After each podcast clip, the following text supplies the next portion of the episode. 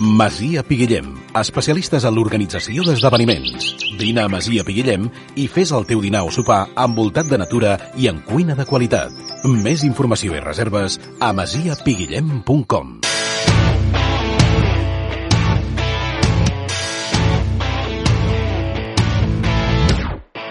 A Ràdio Lot fem el tercer temps. En David Planella. Què tal? Bona tarda. Si no marquem un gol de jugada contra el Deportiu Aragón, sincerament no sé quan ho farem. La Unió Esportiva Olot s'enfrontava a la pitjor defensa de la Lliga i només li va poder marcar de penal i al final, quan el partit ja estava pràcticament sentenciat.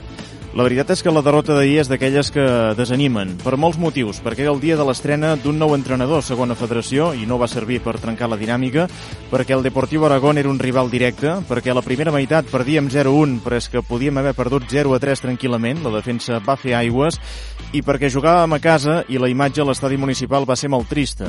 Només 640 espectadors, molta gent marxant abans d'hora amb el 0-2 i crits de reset dimissió fins i tot. Tot això, insisteixo, el dia que estrenaves entrenador. La carta del canvi de tècnic ja està gastada. Ara, Jonathan Risueño tindrà feina. Contra l'Andorra el seu equip es va dedicar a defensar i va aguantar el 0-0 fins al final.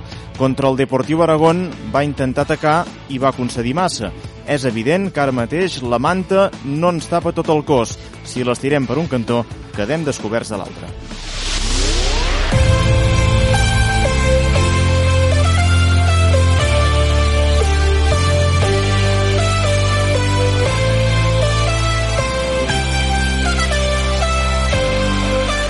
Tercer temps. El nostre partit del dilluns. Avui és dilluns 21 de novembre del 2022, l'endemà de l'Olot 1, Deportiu Aragón 2, l'endemà d'un partit que no va acabar en golejada visitant perquè els pals ho van evitar.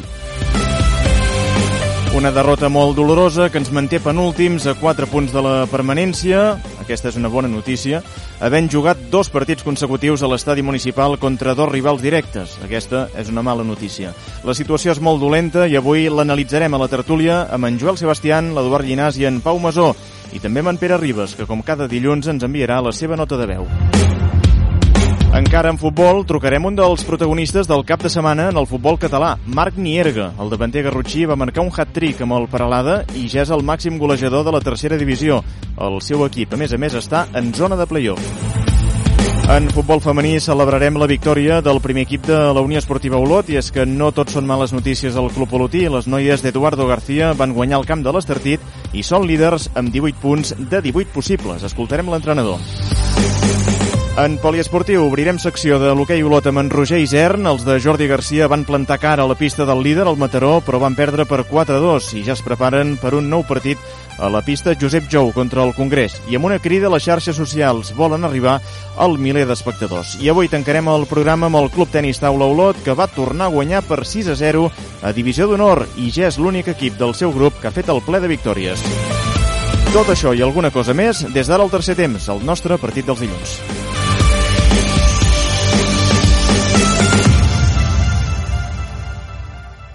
Centre Mèdic Alomar patrocina el tercer temps. Amb en Pere Farges a les vies de so comencem, ens posem al dia.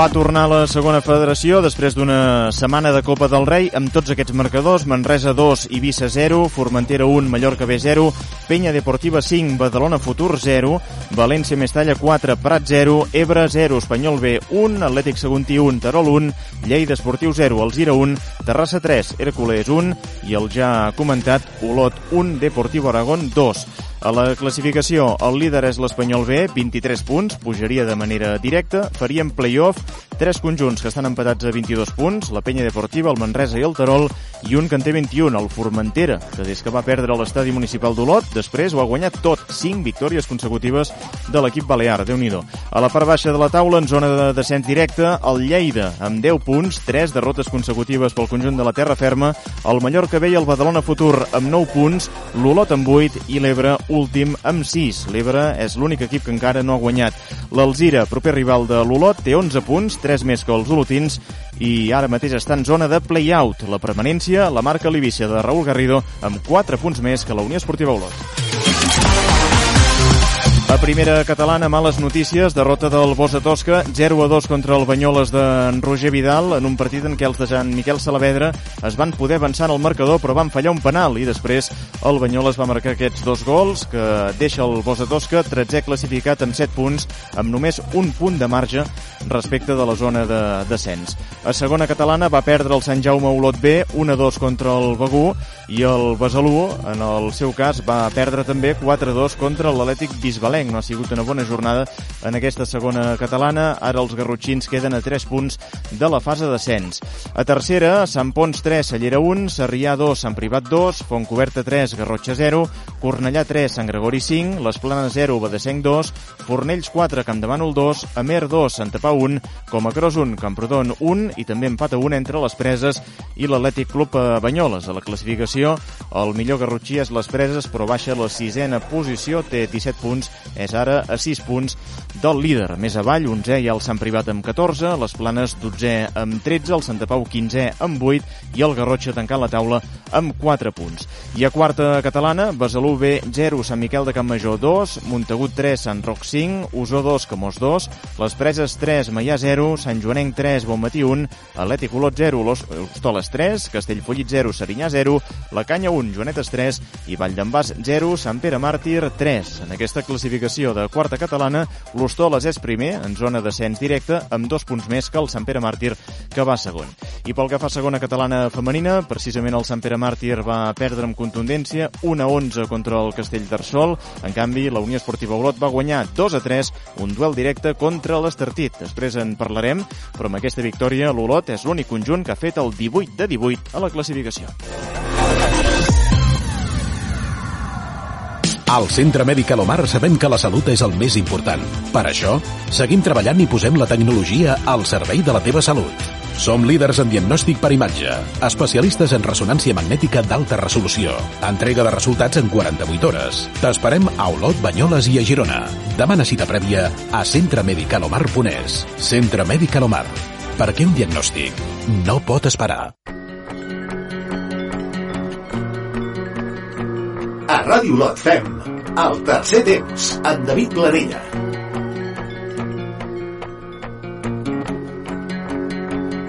Ja camp de la Unió Esportiva Olot, l'una més a la dreta cap a Rastrojo, fa la diagonal, vol anar cap a dins, retalla davant de l'Oi, la filtra dins l'àrea, ho ha fet massa bé, massa bé, massa bé, cap a Noranjo, que remata i gol. Gran jugada de Rastrojo, ha fet la diagonal, se n'ha anat de dos, de tots els homes que el mossegaven, de tots els homes que li sortien, i ha vist el forat per filtrar la pilota dins l'àrea.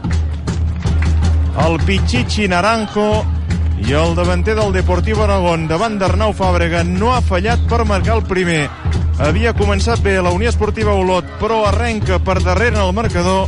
Minut 12 i mig de la primera meitat a l'estadi, gol de Naranjo, gol del Deportiu Aragón, Olot 0, Deportiu Aragón 1. En l'única vegada que havia trepitjat, en la primera vegada que havia trepitjat a Deportiu Aragón, diré gairebé a la zona de tres quarts. Allà les deixa guanyar la posició per uh, Rubio, que se'n va, juga a la dreta, ho pot acabar Conte, gol. Ho acaba, ho tanca Fabio Conte 0 a 2 i això s'ha acabat mentre hi ha crits a la zona de la grada de reset d'emissió i molta gent de tribuna, però quan dic molta és molta, desfila cap a casa. 43 de la segona, la imatge és molt trista a l'estadi municipal, el Deportivo Aragón ens acaba de clavar el 0 a 2 i la gent se'n va cap a casa. L'entrada de l'estadi ara mateix és una sortida de molta gent que està ja desfilant cap a casa. Hem sentit aquests crits cap a Sergi Reset, el tenim aquí al costat i ni s'ha mogut. El 0-2 del Deportiu Aragón al minut 43 de la segona semblava que tancava el partit. Va arribar després el gol de penal de Sebas Coris, provocat per Manel Busquets, però ja no vam ser a temps de res i, com dèiem ara, molta gent es va perdre aquest 1-2 de la Unió Esportiva Olot perquè feia temps que no marxava a tanta parròquia de l'estadi municipal. Pau Masó, bona tarda. Bona tarda, David. Ara ho explicàvem, ara ho sentíem d'ahir i realment va ser una imatge trista de l'Olot a casa perquè de fet hem jugat quatre partits consecutius a l'estadi, és cert que dos eren de copes, eren difícils, però quatre derrotes seguides. Sí, sí, ja feia fred per si sol, eh, el segon gol del Deportiu Aragón va acabar de de disparar les temperatures cap avall i la gent ja va dir que, que n'hi havia prou i va començar a desfilar cap a casa, tot i que alguns que anaven marxant amb el gol de penal de Cebes eh, es van acabar... van frenar. Sí, van acabar frenant i es van quedar allà darrere la porteria del bar. Uh, la llàstima és que, més enllà del coratge que va comentar Risueño, de les ganes que van aportar alguns jugadors, sobretot des de la banqueta, en el tram final de partit, poca cosa més positiva podem extreure del partit d'ahir. No puntues, no sumes els 3 punts, no comences una bona dinàmica amb el nou entrenador, per tant, d'alguna manera ja esgotes la bala d'entrenador nou, no? revulsiu, i el joc eh, tampoc va ser eh, gran cosa. Eh, em quedo només... L'única nota positiva és això que comentava, eh? els ànims, l'esperança i el coratge que hi van posar alguns jugadors eh, en el final de, del, del partit i d'aquí va arribar l'1-2 amb el penal de Busquets i el gol de, de Sebas Coris. Joel Sebastián, bona tarda. Bona tarda. Uh, ara feia dilluns que no et sentíem. Sí. Esperàvem, esperàvem que tornessis i avui, eh, de fet el pla avui era explicar una victòria, no? I que l'Olot guanyava un rival directe amb Risueño, l'efecte revulsiu que ara deia Pau, però res de res. Però som l'Olot, no, David? T'ha faltat dir. Eh, exacte, estripant guions, eh, tòpics, tot el que et vulguis posar per davant, eh, l'Olot eh, ho tira tot a terra. Eh, jo ahir eh, us escoltava eh, i tenia festa a, la meva feina, us escoltava més gent, eh, eh, amb un casc posat, eh, tampoc volia deprimir-los a, a tots els que m'acompanyaven escoltant, escoltant l'Olot no? I, i els seus resultats, pèssims resultats, i realment eh, us escoltava i no us escoltava. I m'explico, eh? eh? És tant el desànim, és tant eh, l'enfonsada moral general, eh, tot i que parlo per mi, evidentment, eh, que ja, aviam, al tanto, eh? No diré que no m'afecten les derrotes, però eh, estic a punt de que no m'afectin. I això és molt greu. Això és molt greu. Potser tinc un problema jo, eh? Però crec que l'equip té un problema també. Eh, molts problemes, de fet, eh, eh, a solucionar i a solventar, eh, i, i les jornades passen. I ahir escoltava en Xometre que deia és que la lliga és curta. És que és curta, eh? eh ja, ja, com aquell qui diu, eh, ens hem menjat part de la primera volta i l'equip eh, no mostra cap símptoma ni de millora pel que fa al joc ni, ni amb els resultats. Però bé, eh, després em puc esplayar encara més. Eh? Sí, ara ho analitzarem, però jo crec que descrius bé el, el desànim que hi ha i que també fa que ahir, per exemple, només 640 espectadors siguin a l'estadi uh -huh. en un partit de segona federació tan important i marcat en vermell com aquest. No? Eduard Llinàs, bona tarda. Per dir alguna cosa. No, no, no, no hi posaràs eh, alegria ni optimisme, veig, eh? Home, uh, alegria la que vulguis, optimisme poc, perquè no, no veiem brots verds en lloc. No?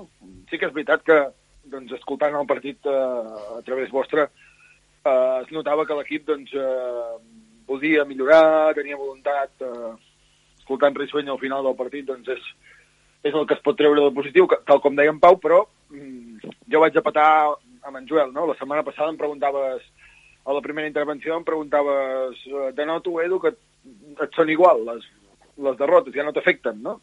I vaig dir que no, que, que, que sí que m'afecten, però és que ja m'ho espero, ja m'ho espero, ja m'ho veig a venir, no? No em sorprèn res.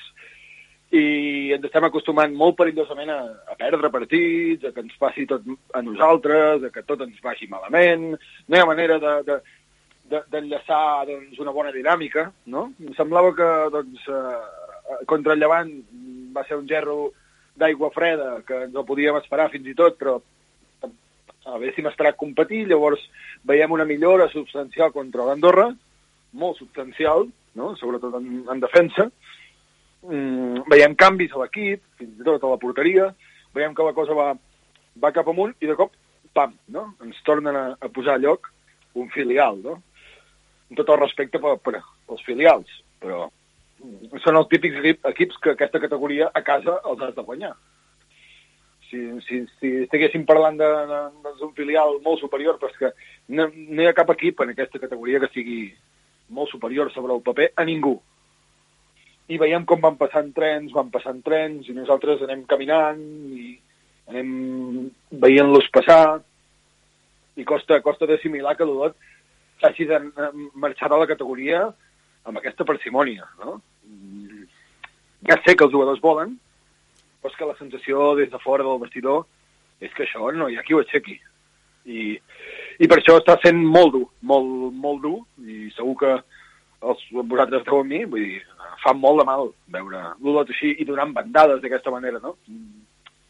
Ara un entrenador, ara l'altre, un sistema, ara l'altre, ara anem cap a una idea, després a l'altra, i al final només volem guanyar i tampoc guanyem. Fa molt, molta pena, molta llàstima, la veritat.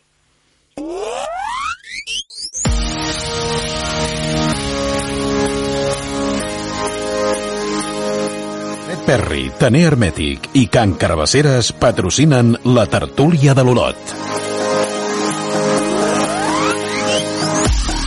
No jo, sinó els jugadors, eh, l'afició, eh, l'equip, tot el món esperava més avui, eh, sobretot com valor, en, en, en valor, però no hem sortit malament del tot i s'estava veient més o menys el que queríem veure però el gol d'ells crec que s'ha fet molt de mal i que hem derrumbat, sobretot tota la primera part Jonathan Risueño, i per cert en català, primera roda de premsa en català del tècnic valencià, eh, també simptomàtic, um, ell ho deia, amb el primer gol l'equip s'ha enfonsat, no? Eh, però és que l'equip va ser molt fràgil en defensa i veníem d'un dia contra l'Andorra en què precisament l'equip havia destacat defensivament, no? El que passa que el pla de partit del dia de l'Andorra era molt clar. Aguantem el 0-0, que no passi res més, i per tant ens dediquem a defensar-nos tots, tots 11, no?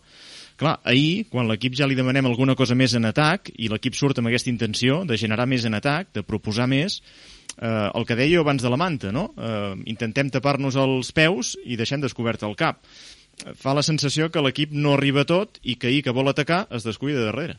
Eh, és la part negativa, jo crec que el pitjor resum de, del partit d'ahir, no? Que l'equip quan se li proposa, se li demana, més ben dit, eh, atacar, dominar, ser ofensiu, no se sent tan còmode com, com quan ho va ser quan, quan va intentar jugar més defensivament contra l'Andorra, no? I aquí és un, bueno, és un tema que crec que Rissonyo haurà de tractar perquè preocupa que l'Olot, que en teoria Rissonyo arribava amb un estil molt diferent de Mànix i, i fins i tot s'havia venut així, no? el fitxatge de Risueño, i ell mateix ho admet, que és un entrenador ofensiu, que vol tenir la pilota, que vol sortir jugant, eh, que s'encaixa més amb l'estil que normalment hem vist eh, amb la Unió Esportiva Olot, doncs quan es vulgui proposar potser l'equip té ja encara mecanismes massa agafats de l'antic tècnic, també potser nosaltres no som prou pacients, però, és clar els resultats també eh, ho exigeixen. Eh, per tant, a mi em preocupa que, que quan se li intenta inculcar a l'equip eh, l'estil que hauria de tenir,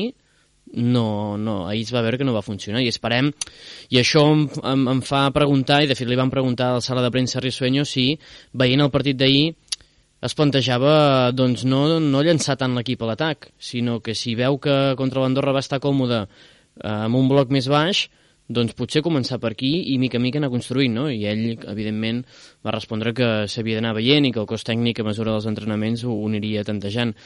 Però, ostres, a mi és el que em va deixar més preocupat. La manta que dius tu, David, mm, si l'estirem per amunt, es destapa per baix, no?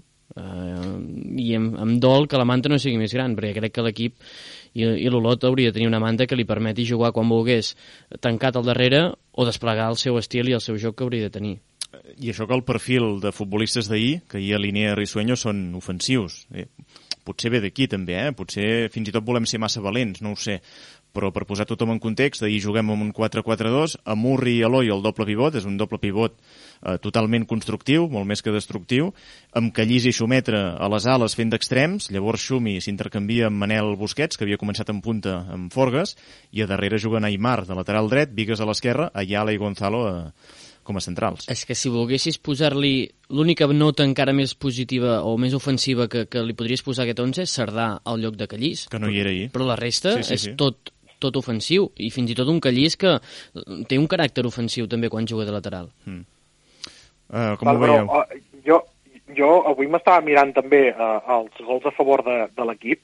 Uh, sí, eh, evidentment que ahir, ahir es va treure un 11 ofensiu, però, uh, ostres, uh, el, el rèdit que hem aconseguit ofensivament fins ara són 5 gols, si no m'equivoco, mm. 3 de, de penal. Mm. Uh, dos, dos. Ostres, do, dos de penal? Mm. Sí, no? Sí, sí, sí, perdoneu, perdoneu, perquè a Ebre comptava, Urri, comptava un de penal i, i, i es va fallar, correcte, correcte, ten, Urri, ten, teniu raó, teniu raó, teniu raó. Eh, eh, en tot cas és igual, entre dos i tres és igual, eh, has, has marcat gairebé la meitat dels gols eh, des dels 11 metres, mm. eh, per tant, eh, ostres, sí que eh, arguments ofensius en pots arribar a tenir, però eh, eh el treball o els mecanismes eh, que ha de tenir aquesta part ofensiva, eh, jo els veig molt mancats. I, evidentment, no és culpa de Jonathan Risueño, eh?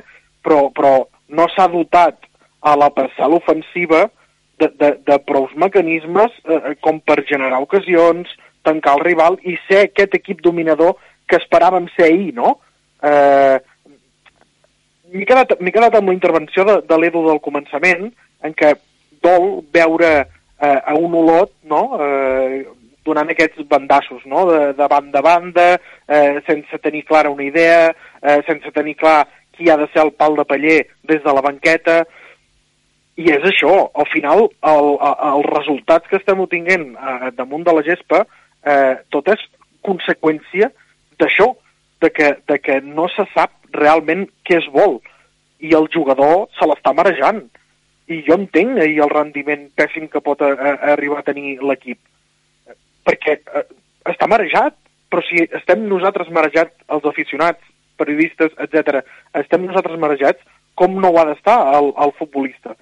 Que d'un dia per l'altre eh, apareix per la porta del, del vestidor un tècnic amb unes idees totalment diferents a, a l'anterior en Pau parlava de...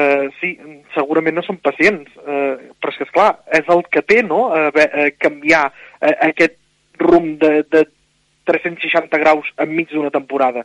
Evidentment que, que, que Jonathan Rissonyo té molta feina a fer, però és que mm, trobo que des de dalt, el no tenir-ho clar, es trasllada tots els dubtes a, a la gespa. Així és com ho veig jo. Sí, al final és això que dius. Eh Clar, amb l'entrada de Risueño i amb el canvi tan gran que vol fer, eh, necessita temps. El mm. problema és que ja ho sabem. Quan canvies l'entrenador a mitja temporada és que no tens temps, precisament. Clar, clar, al final és el primer partit, eh, ja ens entenem, eh, de Risueño a la banqueta el d'ahir, eh? eh? Sí, els dos de Copa del Rei i Copa Catalunya són partits també oficials, eh? I ho entenc.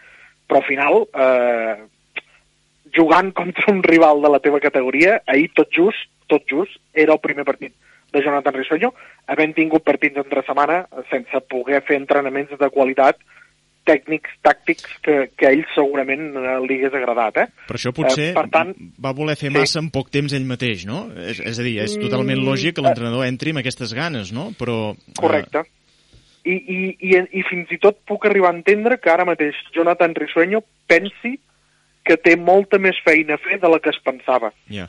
Eh, o sigui, ell entenc que devia veure tots els eh, partits del lot, entenc que, i, i ho va dir ell mateix, que coneix la plantilla, però que l'ha vist tan mancada de d'aquesta base tàctica, no? Eh, I física, si no ho sé, eh, si física, eh, però tàctica so sobretot, perquè es veu a simple vista, ha recollit un equip eh, que necessita eh, engegar motors gairebé de zero. I clar, eh, evidentment tenim un problema, perquè som penúltims a la taula i estem ja entrant al mes de desembre, com aquell que diu. No, i el tema físic no és menor, eh, Joel, perquè al final eh, ahir tenies diversos lesionats importants i venies uh -huh. de jugar dimecres. Un partit de molt de desgast, de córrer enrere la pilota contra l'Andorra, que això també desgasta, i, i vas fer rotacions, sí, però la plantilla amb totes les baixes que tens ara és justa, evidentment, perquè no tens ni Carles Mas, ni Blázquez, ni Castells, ni Cerdà, ni Saidú, que estava a la selecció. clar, sis baixes eh, destacades, i això també pesa, evidentment, no? i per tant, eh, per preparar aquest partit es troba Risueño que dijous ha de recuperar a correcuita, que no tothom es deu recuperar de la mateixa manera, i juguen els que juguen i fan el que poden, no? però al final el desgast físic eh, també és important, i aquestes lesions eh, no n'hem parlat gaire, però són també en posicions claus, i fan, per exemple, que jo que sé, que Callí sigui l'únic lateral dret eh, natural específic per jugar més a l'atac, no? Aymar va jugar ahir, però és més de perfil defensiu, però Callís ho ha jugat pràcticament tot i tampoc no és normal. No? Vull dir que al final el, el, tens jugadors molt el, desgastats. I, i, i tancant aquest minibloc eh, que, que hem obert de, del tema Risueño, d'haver de, de, de preparar el seu primer partit de Lliga d'aquesta manera, eh, un entrenador quan arriba a un equip eh, el que vol és entrenar.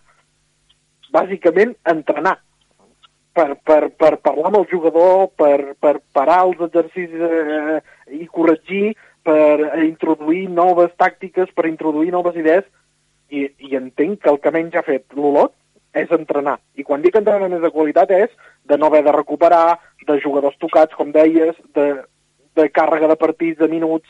Eh, S'ha entrenat poc eh, eh, amb Risueño, però és que, clar, no en té culpa que s'hagi trobat amb, amb aquest calendari d'entrada. Edu. Jo el que veig, i repassant una mica també numèricament la classificació, el que veig és que se'ns tira el temps a sobre, no? Mm, I que amb tot el respecte per la feina d'un tècnic que acaba d'arribar i que troba totes les mancances que dieu, no? Perquè n'hi ha. I la plantilla té mancances i les lesions no ajuden i no estava pensada per la idea que té aquest entrenador potser, sinó tot el contrari, i totes les excuses, quan un entrenador arriba, valen, no? Valen perquè no tinc temps, perquè jo he fet la plantilla, perquè necessito reforçar l'equip aquí, aquí, aquí, perquè tinc lesionats, perquè um, he hagut de jugar Copa del Rei i Copa Catalunya, no? que li ha fet més nosa que servei, pràcticament. Però, um, però és que jo veig eh, que amb un entrenador nou, no? el grup hauria d'haver fet un pas endavant. I ara que venia el Deportiu Aragón, mm, a casa, insisteixo, jo trobo que la victòria era indiscutible. Abans del partit, Risueño ho, ho, ho catalogava pràcticament com una final, no? Eh, crec que va dir a la prèvia que, salvant doncs, totes les distàncies de calendari, el partit reunia els condicionants per denominar-se final. I ara anem al camp de l'Altira, perquè ens situem, doncs, eh, si no m'equivoco, és l'equip que marca la zona de permanència. Està en play-out. Uh, que, que ve de guanyar el Lleida Esportiu, no?, a casa seva, mm, no ho sé. També hauríem d'anar a fer el cop de puny, el cop de puny sobre la taula, el punt d'inflexió, en un camp com el de l'Alzira, que, marca, que marca la primera posició en possibilitats de permanència. Uh, o sigui, l'equip té que fer un canvi de xip i un punt d'inflexió. I no se m'acudia millor ocasió que amb el Saguntino a casa, amb el Deportiu Aragón a casa, i ara el camp de l'Alzira, fora, no?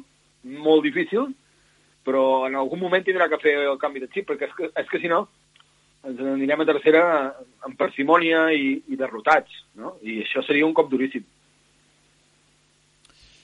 Sí, sí, eh, és que ho dèiem fa tres setmanes. Ara el calendari és propici per treure el cap. Tens eh, dos partits seguits a casa i contra dos rivals directes, Seguntí i Deportiu Aragón. És que has fet un 0 de 6. És que ja no és important com juguis. Si jugues més bé, més malament, si ets més ofensiu, més defensiu és que dos rivals directes a casa, el més normal en aquest grup i en totes les lligues és guanyar-los. I ho deia Rissuenyo també a la prèvia, no? Ens hem de fer forts com a locals perquè realment a la Lliga la majoria d'equips es fan forts com a locals. No pot ser que tu donis oportunitats a rivals directes, a aquests dos, que s'escapen, et venen a guanyar a casa i s'escapen, perquè el Deportiu Aragón el tens a 7. Val que estàs a 4 encara de la permanència, però estàs a 4 de l'Ibissa de Raúl Garrido que tampoc és normal que estigui tan avall. Vull dir que compta amb això perquè se t'han escapat equips directes que semblava que havien d'estar baix i ara ja estan a mitja taula.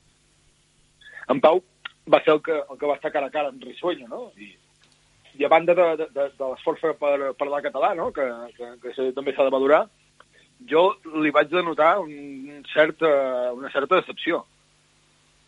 Una certa decepció. I no sé si en Pau ens ho podrà corroborar, diguéssim que, que el, el tècnic estava, estava decebut amb els jugadors, amb el nivell dels jugadors. I aquí correm per ell, perquè el tècnic el vaig veure per la veu, vaig veure que mm, no ben bé no s'ho acaba d'esperar. Eh? I fins i tot en Pau li va preguntar, esperaves més no? de, de l'equip? I va, va reconèixer que sí, que esperava més de l'equip, no? Sí que hi ha voluntat, però això em preocupa, em preocupa bastant, la veritat. Mm, jo crec que Risueño mm, també eh, està amb el que deia l'Edu. Eh? Ahir jo crec que sorprèn de que l'equip no hi respongui. Jo això principalment. Mm, jugui defensivament, jugui ofensivament, jo crec que Risueño ahir sorprèn de que l'equip no hi respon. Eh, amb la idea de, de partit i amb la idea de joc eh, que, que tenia des de l'inici. Jo crec que l'Olot va fer va sortir bé mm, d'inici amb idees clares i la idea de partit jo crec que estava bé però no va saber respondre al, gol, al, gol, al primer gol del Deportivo Aragón. Jo crec que això va passar massa factura i Risueño, tot intentar-ho, posant a escalfar tres jugadors de seguida, no va saber eh, dir-los als seus jugadors que calia, fos com fos, eh, superar aquest partit. Eh, jo crec que no entraven els plans dels jugadors encaixar eh, primer i tant d'hora i això els va, els va fer pesar tot el que porten passant durant aquest mes, no? aquests últims mesos. Jo crec que ahir, sobretot això, Risueño sorprèn i a la roda de premsa sí que potser el veiem una mica més, eh, no sé com dir-ho, mm, trist o també parlant en català també era, ah, poc era poc, difícil sí, sí. sí, de, de, de saber si era perquè anava molt forçat parlant en català o realment la sensació que tenia era, era aquesta de, de, de desengany, no?, d'alguna manera, però, però jo crec que més aviat que, més aviat que res és, amb ell l'equip ahir no li va respondre com volia i això segurament eh, li, ha passat, eh, li ha passat pel cap. Haurà d'entrenar, haurà de mirar d'inculcar nous eh, aspectes tàctics i crec que amb el partit d'ahir Rissuenyo veu que haurà de treballar més, em sembla que ho deia també en Joel, haurà de treballar més del que es pensava amb l'equip i no ha tingut temps. Pensava ell que segurament amb el partit també de l'Andorra havia fet un pas endavant, però amb el partit d'ahir veu que no és suficient eh, només competir, sinó que caldrà ensenyar moltes coses més del que es pensava a l'equip. Sí, sí. Uh... T'he preocupat, eh? És que realment és, és un panorama difícil, eh? Que l'entrenador no ho vegi clar. Que l'entrenador no ho vegi clar és, és que és que em preocupa bastant acabat d'arribar. Bueno, ell, ell no diu això, eh? Que, que, que quedi clar. És a dir, això ho va dir, per exemple, Mànix. Que no, no, no, no, Mànix sí que ho va dir directament, eh?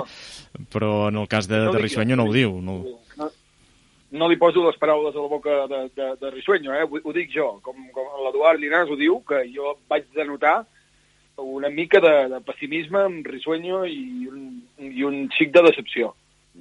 I que l'entrenador vegi aquestes mancances només d'arribar i que es vegi derrotat d'aquesta manera em preocupa. Jo, jo derrotat no ho diria, eh, Edu?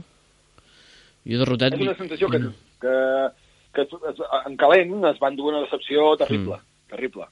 Vull dir, i és una sensació que tinc jo.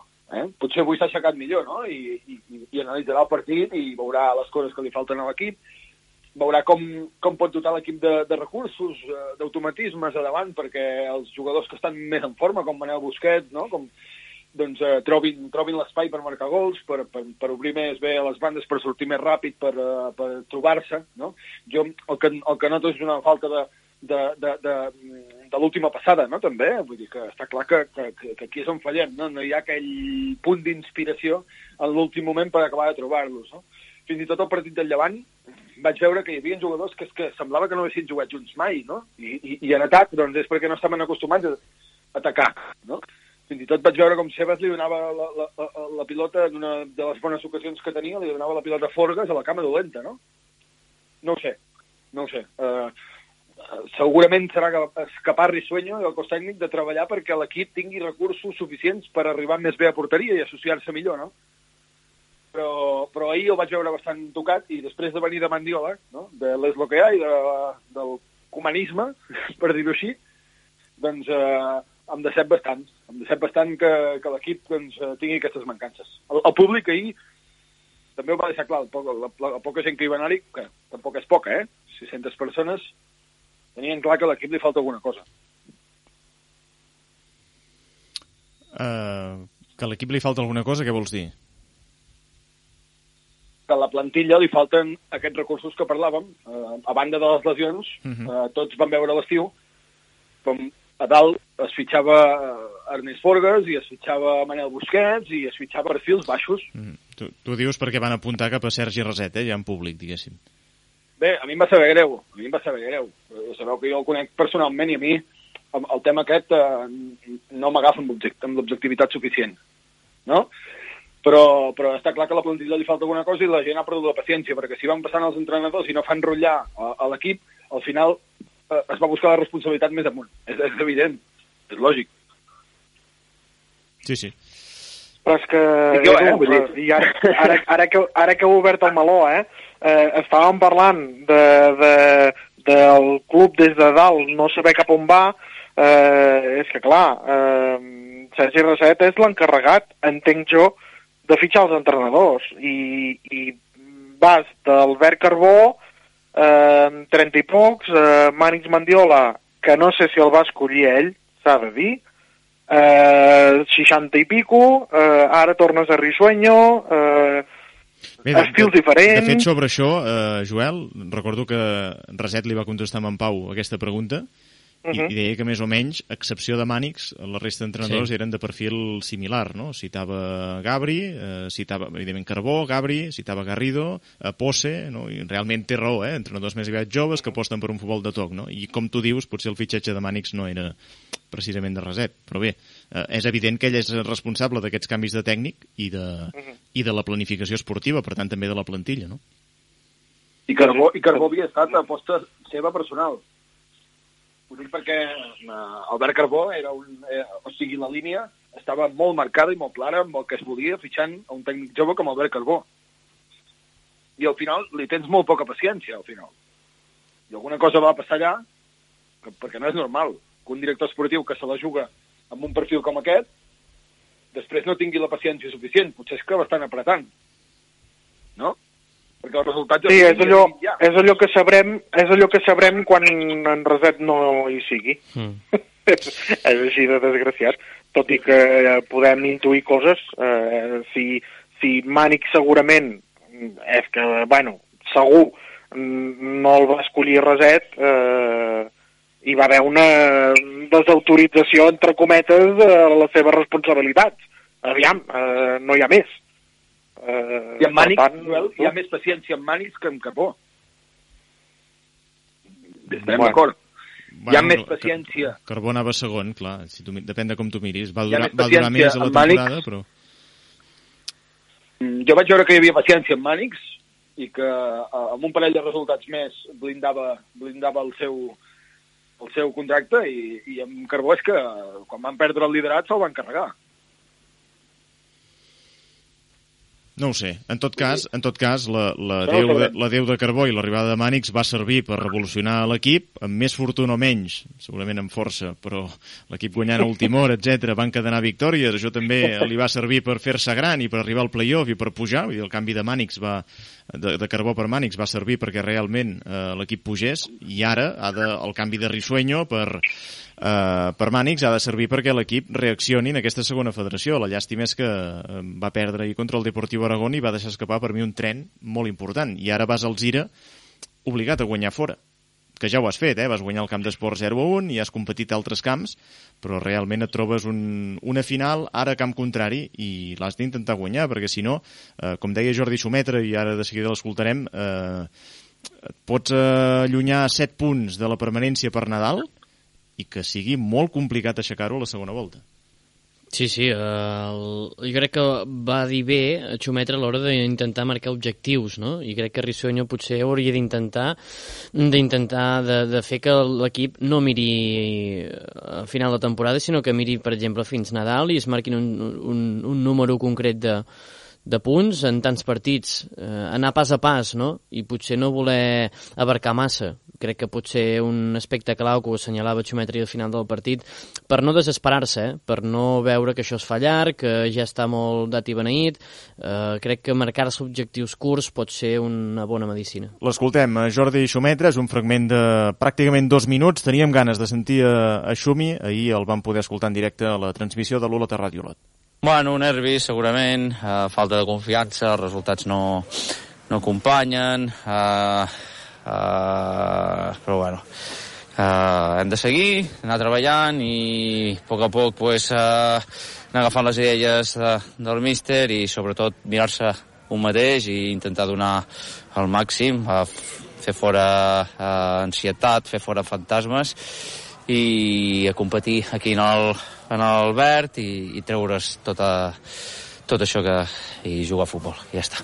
T'he de preguntar a títol personal com estàs, després de l'últim mes que has viscut, amb alguna desconvocatòria i tot, eh, com has viscut tot plegat aquesta situació? Bueno, són coses que passen. He viscut moltes coses en el futbol, eh, el que ha passat aquest últim mes, doncs, bueno, eh, no havia vist pas gaire sovint, però res, deixem-ho aquí, ja està passat. Jo vull el millor eh, per l'Olot i, i, i m'entrego cada dia, inclús els casos de setmana, i, però bueno, eh, i això, ja, i prou. Eh, vull el millor per ells, eh, sé que l'esforç que fa la, la Junta Directiva i tota la gent que, que, bueno, que està al dia a dia que, i fa que el club eh, tiri endavant, sé del seu esforç, tinc empatia amb ells, i jo personalment intento fer i prendre les decisions eh, mirant sempre pel, pel club i després per mi. Um, un jugador que ho viu tant com tu, quin ha de ser el missatge, també per l'afició? que no es desanimi, sobretot, que els necessitem i que, bueno, que intentarem, doncs, ara queden quatre partits per Nadal i ens han de ficar un objectiu. Ja de punts, eh, ja, i, i passa per eh, els IRA anar, anar a guanyar. Hem de començar a sumar de 3 en 3, si no ja és el que et dic. Eh, ens plantarem a, a Nadal a 7, a 8 punts i, i costarà molt després, perquè és una categoria curta.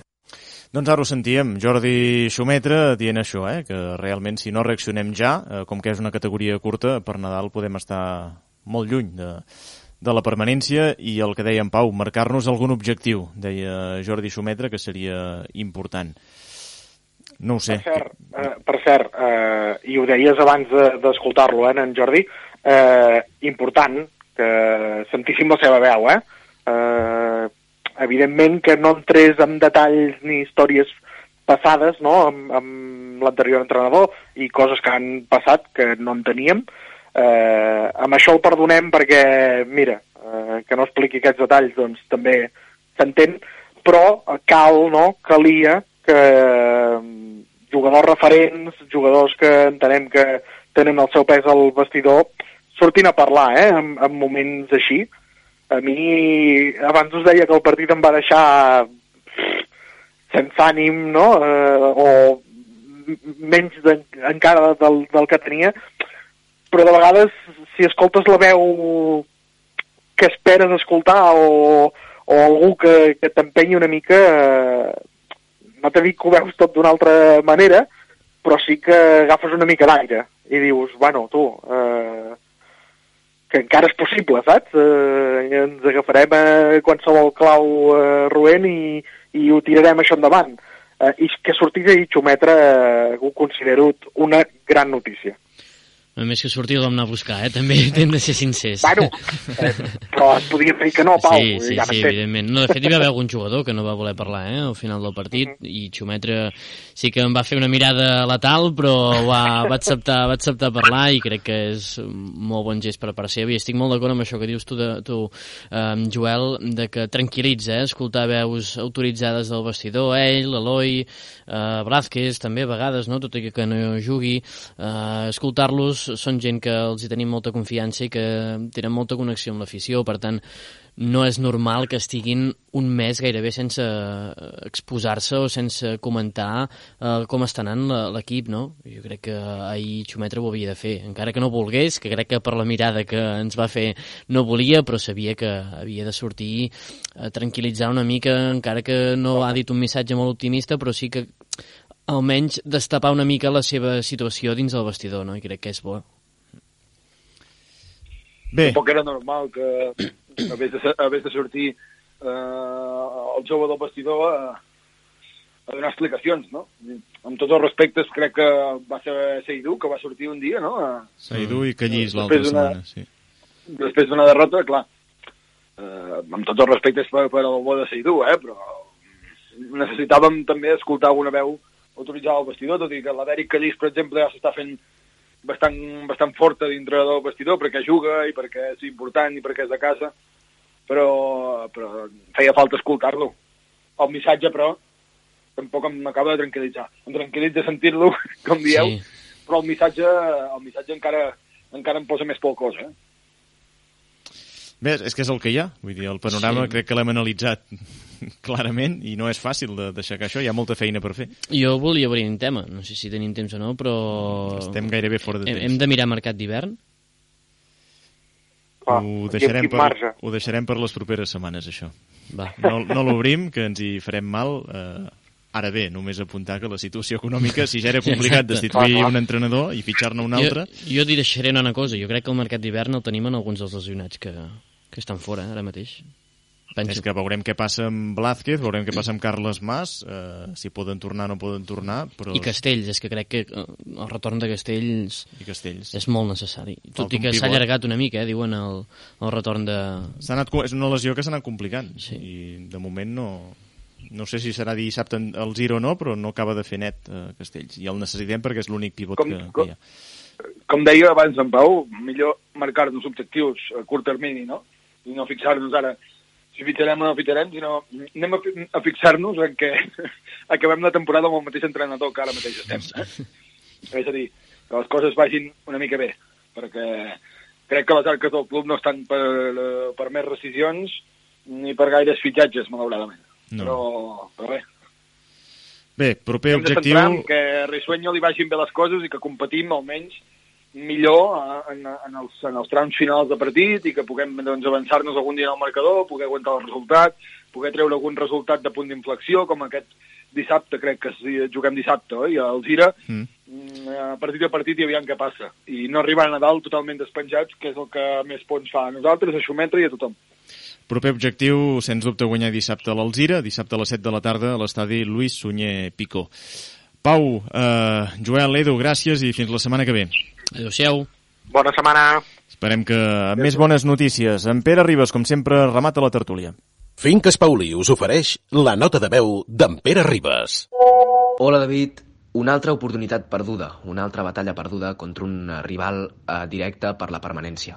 L'Olot va perdre en el debut de Jonathan Risueño contra el Deportiu Aragón i segueix amb aquesta, mala, amb aquesta mala dinàmica en Lliga.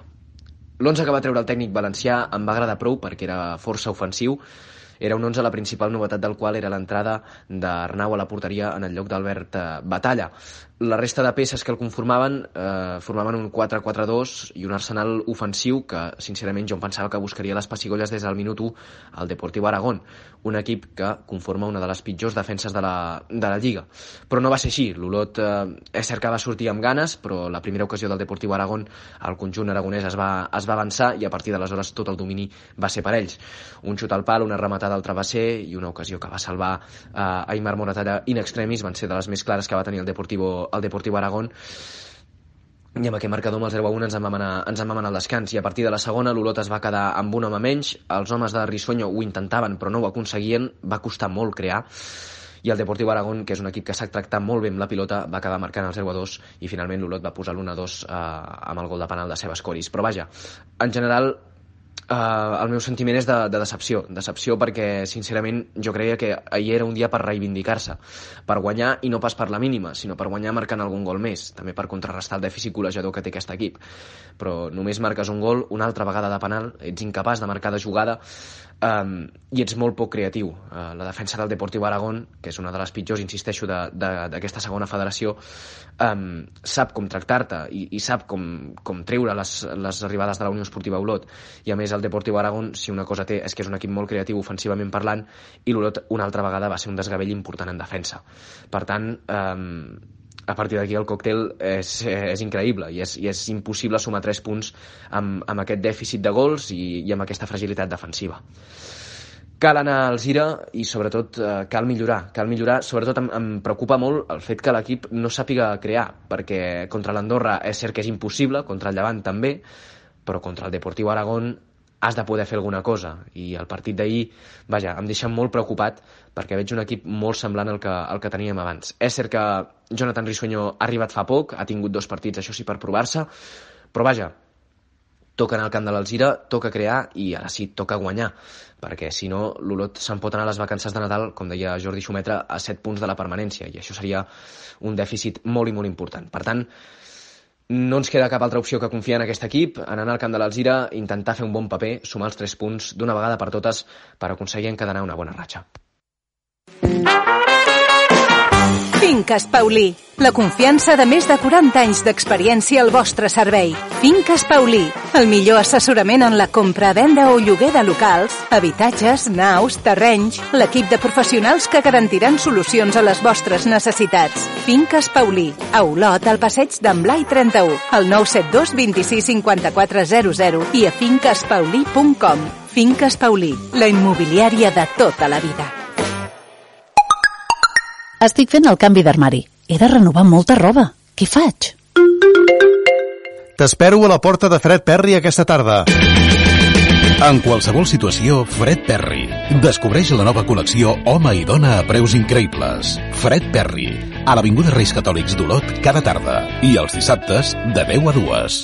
Sempre hi ha un Fred Perry per tu. Taner Hermètic. Portes hermètiques per a indústries, hospitals, laboratoris, sales blanques i acústiques. Taner Hermètic. Des del 1921, construïm portes per a tot el món. Sempre al costat de la Unió Esportiva Olot i la seva afició. Taner Hermètic. Doors for Life.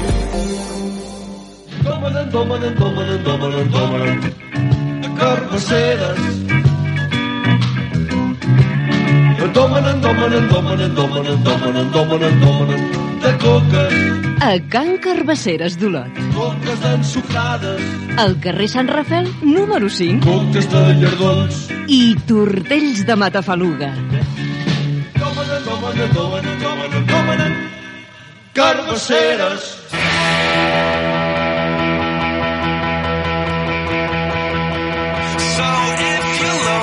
A Ràdio Lot fem el tercer temps amb David Planella.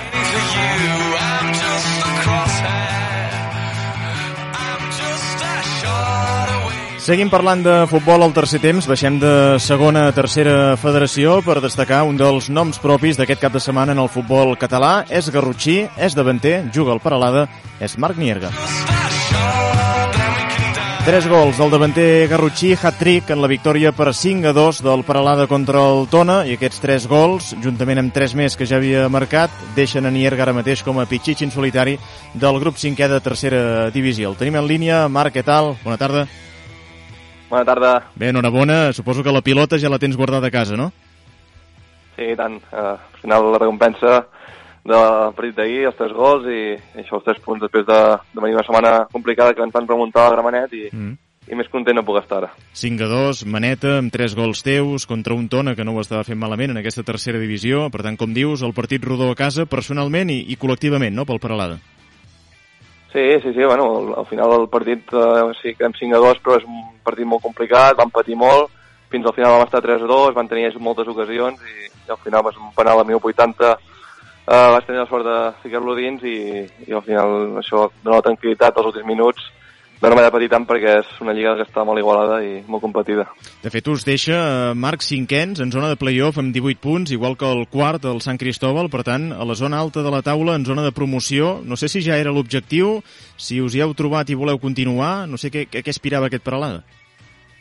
Sí, està clar, per plantilla, per experiència i per, bueno, en general, estava formada per fer una, una campanya dalt i de moment la, la veritat que hem començat bastant bé, hem tingut alts i baixos però, però estem seguint allà dalt, ahir si perdíem el ton es passava i ja el ton estan a 300, diria 200, vull dir que està tot molt igualat i era un partit molt important per, decantar-te cap amunt o avall. Mm -hmm. uh, Déu-n'hi-do. Paralada de Miquel Àngel Muñoz, ex, ex Olot, ex tècnic i, i coordinador del futbol base de la Unió Esportiva Olot, i en Marc Nierga, com sentim, com a punta de llança, com a davanter de, de referència a tercera divisió, una categoria que, ara ho dius, eh, Marc, és, és igualada, no sé si ara feia temps que no hi jugava, si és més competitiva del, competida del que t'imaginaves, com, com te l'has trobat? Bueno, havia vist ja partits, és veritat que no havia jugat al grup 5, però sí que havia vist molts partits de, d'Olot o de per aquí a la zona de Girona i bueno, sempre és una lliga complicada i crec que està molt igualat tot i sí, és veritat que hi ha alguns equips que es despengen més sempre, que tenen pressupostos poder més alts i plantilles pues, que amb molta experiència i bueno, és complicat, ja et dic que, que no, no m'esperava poder aquesta igualtat i bueno, m'està sorprenent i molt bon nivell, la veritat. I ser Pichichi, amb, amb 5 gols de la categoria? Bé, home, al final doncs és que vivint del gol i, i bueno, i venim una temporada molt complicada al Gira l'any passat que vaig estar lesionat quasi tota la temporada i doncs, tornar a retrobar-te amb el gol i minuts i tot això, doncs al final dona la confiança aquesta i l'il·lusió aquesta que em faltava els últims, les últimes temporades. Ara ja es pot dir que estàs 100% recuperat, com et sents? Sí, bé, eh? dic que em costat molt, una lesió llarga que no m'esperava que em costés tant de recuperar i, i encara he tingut alguna molèstia aquest any, però bueno, eh, aquesta temporada i per sort porto quatre partits a tope i, i estic molt content també per les, sensacions, les sensacions aquestes de, d'estar així físicament. Mm -hmm. De fet, recordem-ho, eh? la temporada passada fitxes per l'Alzira, jugues res, eh, quatre partits, et lesiones de, de gravetat, estàs mesos fora dels terrenys de joc i acabes fins i tot la temporada passada jugant a, amb el Garrotxa, eh? en futbol territorial. Mm. Sí, sí, vaig jugar els primers quatre partits amb l'Alzira, ja estava... El primer partit ja em vaig lesionar, estava tocat i vaig jugar tres partits però lesionat i amb això podem, em va, fer, em va perjudicar més que bé i, i després me vaig voler agafar en calma la recuperació i ja et dic, no, fins que no vaig estar bé, vaig estar a la Garrotxa per intentar agafar sensacions i, i al final és un camp que està bé per, per entrenar, per, per disputar alguns minuts i, i en veritat m'ha anat molt bé el tema aquest. I ara tercera, esperant, suposo, fer el salt a segona federació i, i rellençar la carrera, no? Sí, tenia, tenia ganes de, de fer una temporada bona, bueno, eh, estava a gust aquí a casa i tenia ganes de fer una temporada bona per aquí que estic a gust, estic còmode i, i després pues, eh, tornar a intentar rellençar-me si és amb el Paralada, pues bé, perquè ojalà puguem fer una temporada per estar dalt i poder jugar a playoff per lo menos i, i això, i uh, la temporada que ve ja es veurà. Mm. Uh, aquí al costat hi ha l'Olot, que suposo que el vas seguint, no ho està passant malament, no ho està, no ho està passant bé a segona federació, no sé com l'estàs com l'estàs veient des de fora. Sí, estic seguint els resultats més que res, perquè el, coincideix molt els horaris de, de partits amb el nostre, però sí que estic seguint l'equip, tinc amics i, bueno, em sap greu. Però, bueno, eh, dic que la, la, la Lliga està igualada, la part de baix, sobretot, i crec que molts equips estan deixant punts i encara estem a temps, sigui, l'Olot, perdó, eh, uh, té de reaccionar, de no mirar més enllà d'aquest partit aquesta setmana contra l'Alzira, i al final uh, és canviar la ratxa, la dinàmica, la dinàmica de treball d'aquesta que, que crec que estan treballant bé, però no acaben de trobar resultats, de, bueno, de, amb el canvi d'entrenador aquest aire fresc, és, és fer una neteja de, de ment i, i tornar a començar, que estan a temps i, i es pot aconseguir. El proper partit dissabte al camp de l'Alzira eh, contra un rival i un escenari, el Luis Sunyer Picó, que coneixes bé. Sí, sí, sí, un bon camp, un estadi i també un equip que, que està treballant molt bé i he vist algun partit de Copa del Rei, a la Lliga i crec que també ha merescut algun punt més. Uh, serà complicat, però tot necessiten punts, tot, uh, tot pot passar i ja dic, l'Olot ha d'anar a treure tres punts i o sigui allà. Què, què diries que ens trobarem? Tu que coneixes bé per començar l'estadi, la gespa, com, com està? La gespa està en molt bon estat, està en molt bon estat, és natural, i la tenim bastant ben cuidada, diria, pel, pel tema també de la Copa del Rei, que l'han tingut impecable. Mm. Un equip que intenta jugar bastant. Eh, el que està l'entrenador ara era el meu segon entrenador i sé més o menys que intenta tenir la pilota i tractar-la bé i, bueno, jo crec que intenten tenir la pilota i l'Ola també crec que si es proposa tenir la pilota en un camp així també hi pot ajudar. Eh, intentar proposar i, i serà un partit jo crec maco i obert. Doncs tant de bo, i que se l'emporti l'Olot que prou falta ens fa en aquesta classificació de, de segona federació contra l'Alzira, ex-equip de Marc Nierga, a qui avui hem trucat perquè aquest cap de setmana va marcar un hat-trick amb el Paralada, és Pichichi del grup 5è de tercera divisió i el seu equip és 5è en zona de play-off. Per tant, Marc, enhorabona, eh, moltíssimes gràcies i endavant, que vagi bé. Moltes gràcies a vosaltres, que vagi bé.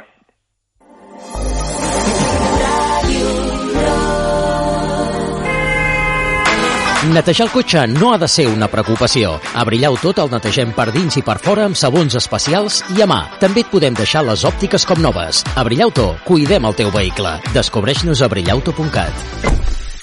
T'agradaria fer 20.000 abdominals en 30 minuts sense esforç ni dolor? EMS Sculpt, el primer procediment no invasiu que ens permet cremar greixos, guanyar musculatura, tonificar braços i aixecar glutis. L'autèntica revolució en aparatologia per a homes i dones. L'Orquídia. Posa't en bones mans. Visita'ns a orquídia.com o segueix-nos a les xarxes. Si t'agrada la dansa, el teatre musical, el cant o el teatre, la Quarta Paret és la teva escola on pots trobar formació, experiències artístiques i diversió des dels 3 fins als 18 anys. També oferim diverses activitats escèniques per adults i formació preprofessional. Desperta l'artista que portes dins a la Quarta Paret. És el moment de confiar en el TPO, el transport públic d'Olot. Deixa que et porti a l'escola, deixa que t'acompanyi a treballar. Fes que sigui el teu mitjà de transport prioritari. Sigues sostenible. Jo vaig amb el TPO. I tu?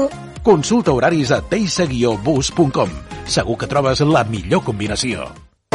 Saps que Clinic fan tractaments en plasma ric en plaquetes?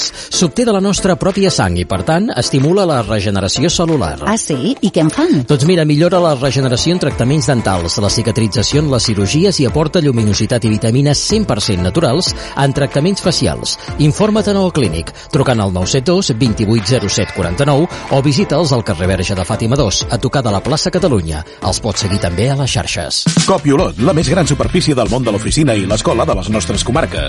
Fotocopiadores i impressores en cost per pàgina econòmic garantit. Servei tècnic inclòs. Destructores de paper, cisalles, plastificadores i encodernadores. I ara també imprimim en gran format, fins a 1,07 metres d'ample. Estem a la carretera de Riudaura 14, al 972 26 86 65 i a copiolot.com. Obert de 9 a 2 del migdia i de 5 a 8 de la tarda. Dissabtes, de 10 a 2 del migdia. Copiolot. Més de 30 anys de servei tècnic a tot Catalunya. Incidencias con la telefonía fija, pulse 1. Incidencias con la telefonía móvil, pulse 2. Incidencias con circuitos de datos, pulse 3. Incidencias con ADSL y otros servicios indirectos, pulse 4. No en tens prou d'això? Vols parlar amb persones? Truca Xàrtic. Fibra, mòbil, fix, televisió i xarxes. Xàrtic, l'operadora de proximitat.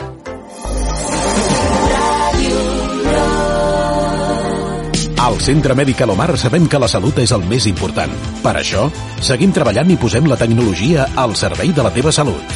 Som líders en diagnòstic per imatge, especialistes en ressonància magnètica d'alta resolució, entrega de resultats en 48 hores. T'esperem a Olot, Banyoles i a Girona. Demana cita prèvia a centremedical.omar.es. Centre Mèdic Alomar. Perquè un diagnòstic no pot esperar.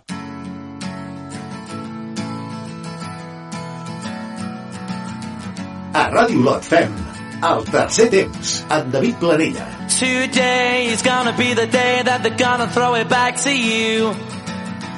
By now you should have somehow realized what you gotta do. Parlem de futbol femení al tercer temps i d'una bona notícia, i és que la Unió Esportiva Olot ja suma 18 punts a segona catalana, és primer classificat en solitari després d'una victòria molt important a fora de casa, al camp d'un rival directe per 2 a 3 contra l'Estartit. El seu entrenador, el tècnic de la Unió Esportiva Olot, és Eduardo García. Eduardo, què tal? Bona tarda. Hola, ¿qué tal, David? Buena tarda. Saludos. Bé, vi victòria molt important contra un rival directe, eh? Eh, moltíssim. La verdad es que fue un partido muy complicado y, y supimos al final sacar un resultado que, que és importantíssim, com bien lo dices. De fet, amb remuntada, perquè s'avança l'Estartit 2 a 0 a la mitja hora de joc i remunteu 2 a 3 amb dos gols de Juna Grau i una de Núria Soler, eh? Sí, la verdad es que fue un partido que ya desde el inicio sabíamos que iba a ser muy complicado ya habíamos enfrentado a este rival en lo que fue eh, la pretemporada y sabíamos de, de, las capacidades que tienen y, y lo complicado que, que, iba a ser. Y bueno, salieron también ellas sabiendo que era un partido que, que hablaba mucho por, por, por la búsqueda de, de la punta y ellas venían de una derrota, entonces iba a ser aún más complicado todavía, pero, pero bueno, se, se supo resolver en, en los tiempos adecuados del partido. Uh -huh. uh, suposo que és una victòria que dona molta moral a l'equip, no? Que ara la, la confiança està per, pels aires. Sí, bueno, todo es paso a paso, ¿no? Eh, yo creo que confianza siempre hemos tenido en lo que vamos trabajando y en lo que vamos jugando fecha a fecha.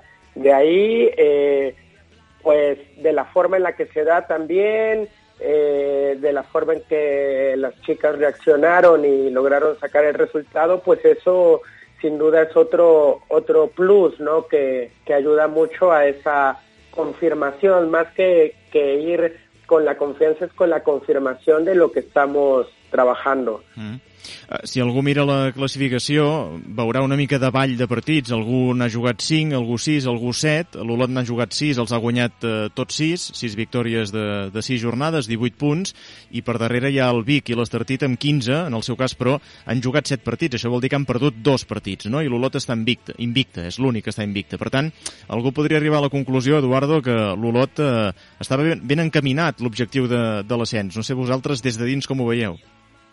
Sí, bueno, en principio el calendario, eh, por la cantidad de equipos que somos, te obliga a descansar por fecha eh, un, eh, un equipo cada semana, entonces nosotros es verdad que ya tuvimos en la primera vuelta nuestra fecha de descanso y por eso es que los números están así. Hmm. A, al mismo tiempo sabemos y lo mencionamos al inicio de todo que para poder intentar ser eh, líderes de la liga y, ser campeones y buscar los objetivos había que ganar y estar teniendo una regularidad constante fecha por fecha. Entonces es muy positivo encontrarlo eh, desde el inicio porque el, el, campeonato se cierra, la liga se cierra, hay equipos eh, muy fuertes, hay equipos que tienen mucho nivel, muy buenas jugadoras, entonces es importante poder mantener la consistencia durante les 24 fetges jugades i 26 de campionat. Mm.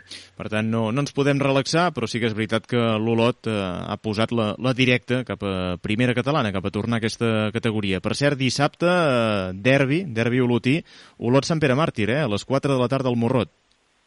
Sí, sí, sí, es, es muy importante mantener primero que todo, como bien lo dices, tenemos nuestros objetivos claros y, y el más importante sin duda es poder recuperar la categoría que, que, que, tanto queremos, ¿no? Pero a fecha 6 se viene la 7 ahora, como bien lo dices, el derby, es importante mantener mantener la consistencia, mantener la línea, mantener el, el juego, porque eh, se van viendo los resultados, ¿no? Entonces esto lleva un cuarto de competencia apenas, ¿no? Vamos encaminados, pero para hacerlo tenemos que seguir manteniendo esa misma línea, esa misma idea. Un partido importante y bueno, los derbis siempre son distintos, no hay que disfrutarlos primero, pero hay que ganarlos, por supuesto. Doncs queda clar el missatge, és Eduardo García, el tècnic de la Unió Esportiva Olot Femení de segona catalana que busca l'ascens a primera. Eduardo, com sempre, gràcies i que vagi molt bé. Moltes gràcies a tu, salutacions. Gràcies a l'Eduardo García i com dèiem dissabte derbi amb aquest Olot Sant Pere Màrtir, un Sant Pere Màrtir que aquesta jornada va perdre amb contundència, una 11 contra el Castell Tarsol, ara mateix desè a la classificació amb 6 punts en 7 jornades disputades. Petita pausa, breu, i de seguida hoquei patins amb en Roger Isern i el partit de l'hoquei Olot.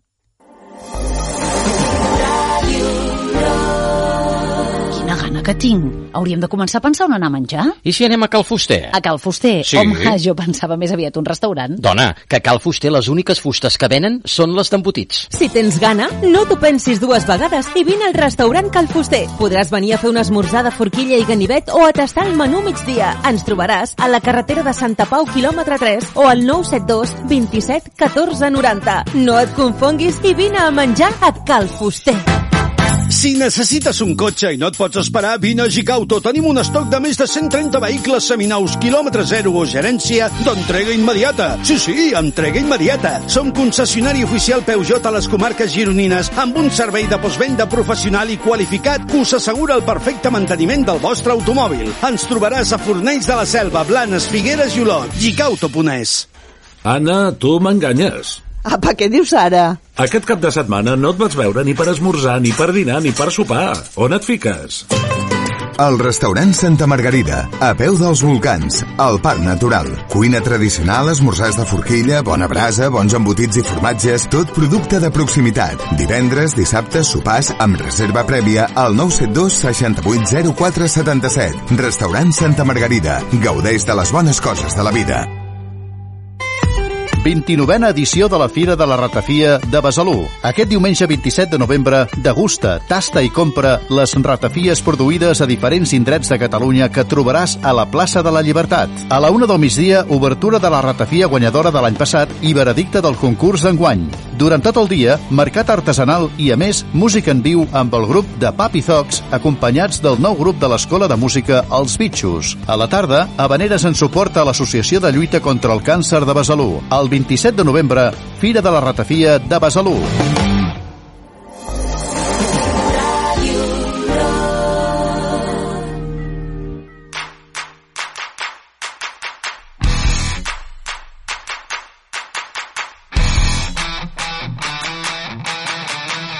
A fem el tercer temps. El nostre partit del dilluns. Som-hi, obrim secció d'hoquei patins al tercer temps, com sempre amb en Roger Isern. Roger, què tal? Bona tarda. Bona tarda. I amb el partit de l'hoquei Olot, que jugava, tenia una empresa complicada, eh? jugava a la pista del líder, el Mataró, va competir, però va perdre 4-2. Va competir molt bé, va fer un partit de tu a tu davant el millor equip actualment de, del grup nord, però aquests petits detalls no?, que el Mataró està aprofitant en aquest inici de Lliga, l'Olot no va poder contrarrestar-los, va tenir ocasions per empatar, però malauradament va acabar perdent amb aquest 4-2 final als últims minuts. Per tant, malgrat la derrota, les sensacions són prou bones. Les sensacions són prou bones, hi ha la mateixa línia que la setmana passada van al Sant Just, l'equip està trobant la, podríem dir el joc més habitual de la temporada passada i que el va portar a salvar-se quatre jornades pel final i davant tot un Mataró que, com dic, per mi em va semblar el millor equip actual de, de la Lliga, doncs eh, té molt de mèrit i llàstima perquè te'n vas de Mataró amb aquest regust de que, mira, aquesta feina es podia haver traduït amb un empat, però malauradament els detalls van acabar marcant. Per cert, eh, una curiositat, deies la setmana passada que eh, algú més havia de marcar a banda de Marc Prat, Sí. no? I que la trajectòria de Marc Prat era de 4, 3, 2, un gol, es ara va 0, trencar. doncs 0, eh? Es va trencar, feien broma, i van aparèixer David Carles i Tomàs Mercè per anotar els dos gols. David Carles, deixa'm el destacar, el vam destacar en la retransmissió amb l'Anna, està sent, juntament amb en Marc, dels jugadors més incisius i més en forma de l'equip. Ho va demostrar la, dissabte amb gol i també amb un gran partit. Per tant, això, aquesta faceta golejada que feien broma, no va marcar Marc Prat, però altres jugadors de l'equip van sumant. I què deia Jordi Garcia? Doncs Jordi Garcia amb la línia de- d'aquest regust a Marc, no? Al final del partit eh, detallava que els petits detalls van acabar marcant el partit. El segon és un error nostre, el primer és un golaç, però, però després tenim, uh, tenim el tercer gol que, que ens penalitza moltíssim i al final és, un rebot que se li queda amb el jugador allà, que pot aixecar, pot picar. Uh, sí que és veritat que sabien que veníem una pista molt complicada, que ells tenen un equip, que han fet un equip per, per intentar pujar a Hockey Liga, uh, l'any passat ja van estar a punt i aquest any encara s'han reforçat, uh, és un equip experimentat i al final sabíem que seria molt complicat, sí, han plantat cara, sí que és veritat que hi ha hagut moments de tot, jo crec que hi ha hagut moments que han set del, del Mataró, hi ha, hi ha hagut moments que han set de, de l'Olot, hem tingut les nostres ocasions, I alhora també Jordi Garcia, a banda d'aquests moments, eh, l'Olot va estar molt bé a la primera meitat, a la segona meitat va tenir més mals moments, també parlava sobre que el resultat just hagués estat un empat. Ells eh, ens han pressionat amb algun cop, que no hem pogut sortir de, de la pressió, llavors ho hem rectificat a mitja part i, i crec que, que ens n'hem sortit més bé. Uh, bueno, uh, coses positives, coses negatives, al final se'ns escapen tres punts, crec que lo just hagués estat uh, uh, un empat perquè els dos equips hem tingut ocasions, però bueno, això és l'esport i hem de tirar endavant, setmana que ve oblidant-nos ara ja del Mataró i setmana que ve uh, a intentar sumar els tres punts a casa.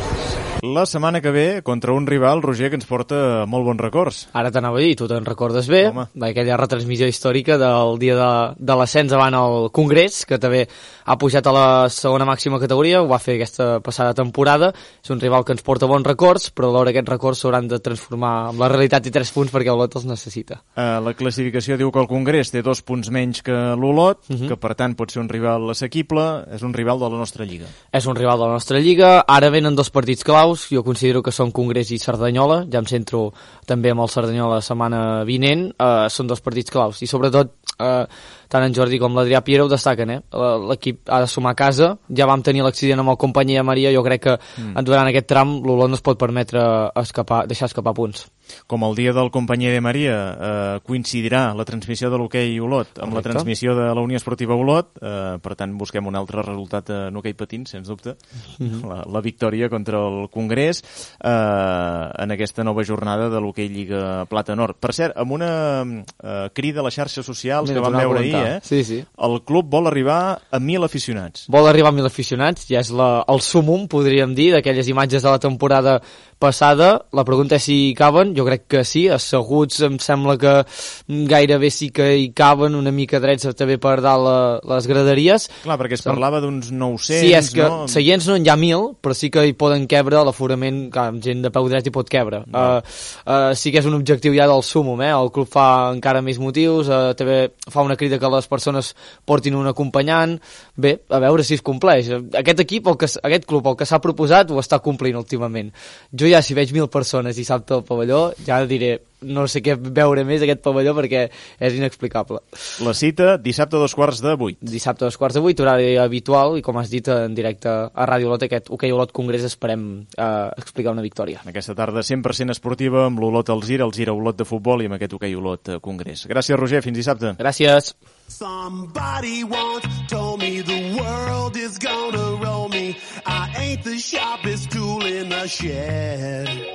A Ràdio Lot fem el tercer temps. Amb David Planella. Well,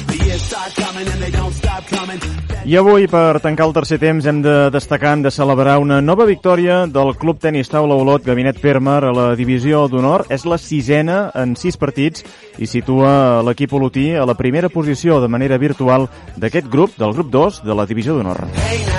An all-star. Virtual perquè el primer ara és el CAI Santiago de Saragossa, però amb la trampa, que ha jugat dos partits més i que ja ha perdut precisament contra el Club Tenis Taula Olot. Un tenis taula Olot que va guanyar aquest cap de setmana, altra vegada per 6 a 0, i ho va fer contra el Palma. Tenim en línia el seu entrenador i director esportiu, l'Òscar Gallego. Òscar, bona tarda.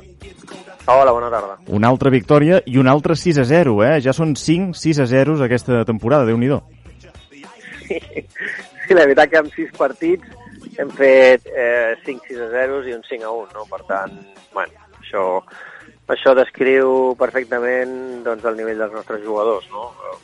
Són tres jugadors molt forts per la categoria i bueno, intentarem fer, intentarem fer la feina tots aquests eh, partits de la fase regular per, per després estar en la millor posició per intentar anar a la fase pues, la millor posició possible, sí.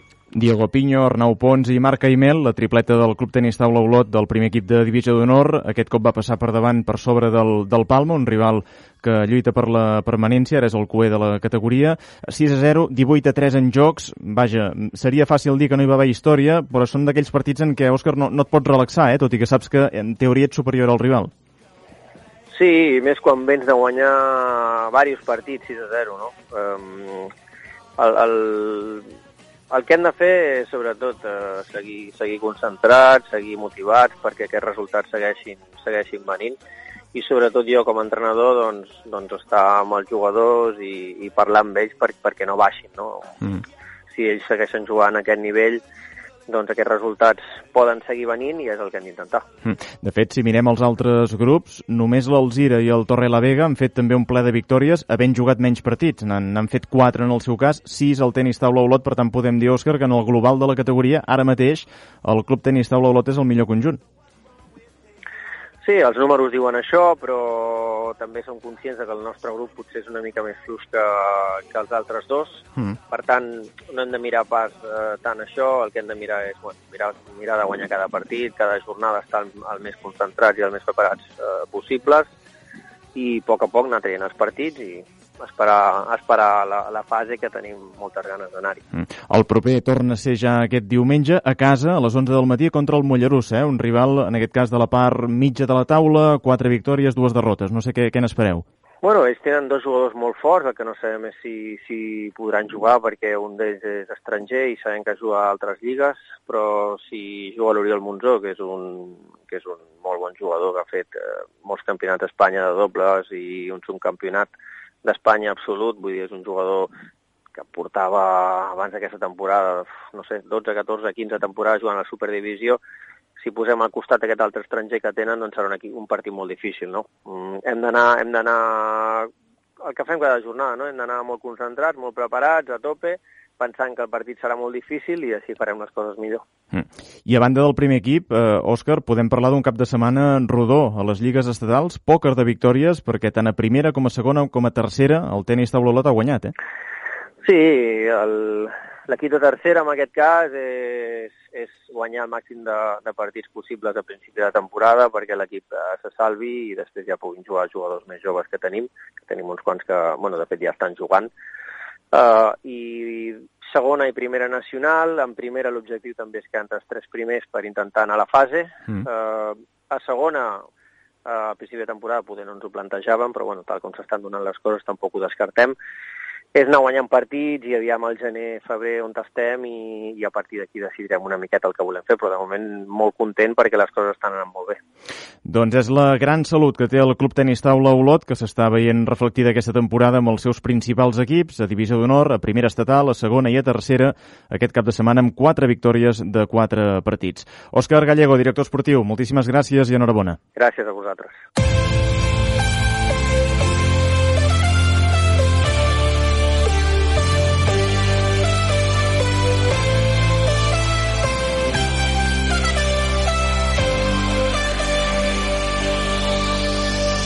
Doncs el pòquer del Club Tenis Taula Olot, que sens dubte una de les notícies poliesportives d'aquest cap de setmana més destacades, eh, també juntament amb el resultat que va aconseguir el Club Natació Olot de Waterpolo, primera catalana, ajustadíssim, victòria agònica fora de casa, 15-16 a la piscina del Santa Eulàlia. Victòria, doncs, molt important pels de Jan Hivern. En vòlei, el Club Vòlei Olot no va poder amb el Barça, 1-3 a casa en aquest partit de primera estatal, la tercera categoria estatal del eh, voleibol, i pel que fa a esdeveniments destacats d'aquest cap de setmana es va disputar el Cross d'Olot del Club Natació Olot amb diversos atletes guanyadors.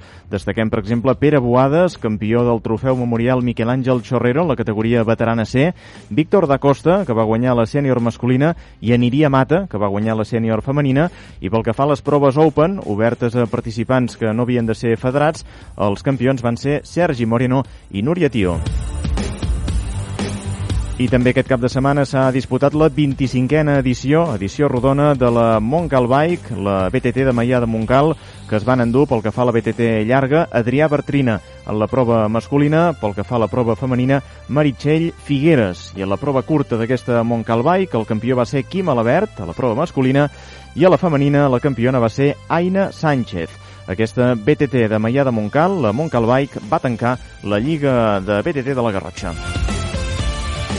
Ho deixem aquí, més esport en directe aquest dissabte, a partir de les 6 de la tarda, la retransmissió de l'Alzira Olot des del Lluís Sunyer Picó i després enllaçarem amb la transmissió també de l'hoquei patins de l'hoquei Olot des de la pista Josep Jou amb el partit contra el Congrés. Fins aleshores, que vagi molt bé. Adéu. Al Centre Mèdic Alomar sabem que la salut és el més important. Per això, seguim treballant i posem la tecnologia al servei de la teva salut. Som líders en diagnòstic per imatge, especialistes en ressonància magnètica d'alta resolució, entrega de resultats en 48 hores. T'esperem a Olot, Banyoles i a Girona. Demana cita prèvia a centremedicalomar.es. Centre Mèdic Alomar. Perquè un diagnòstic no pot esperar.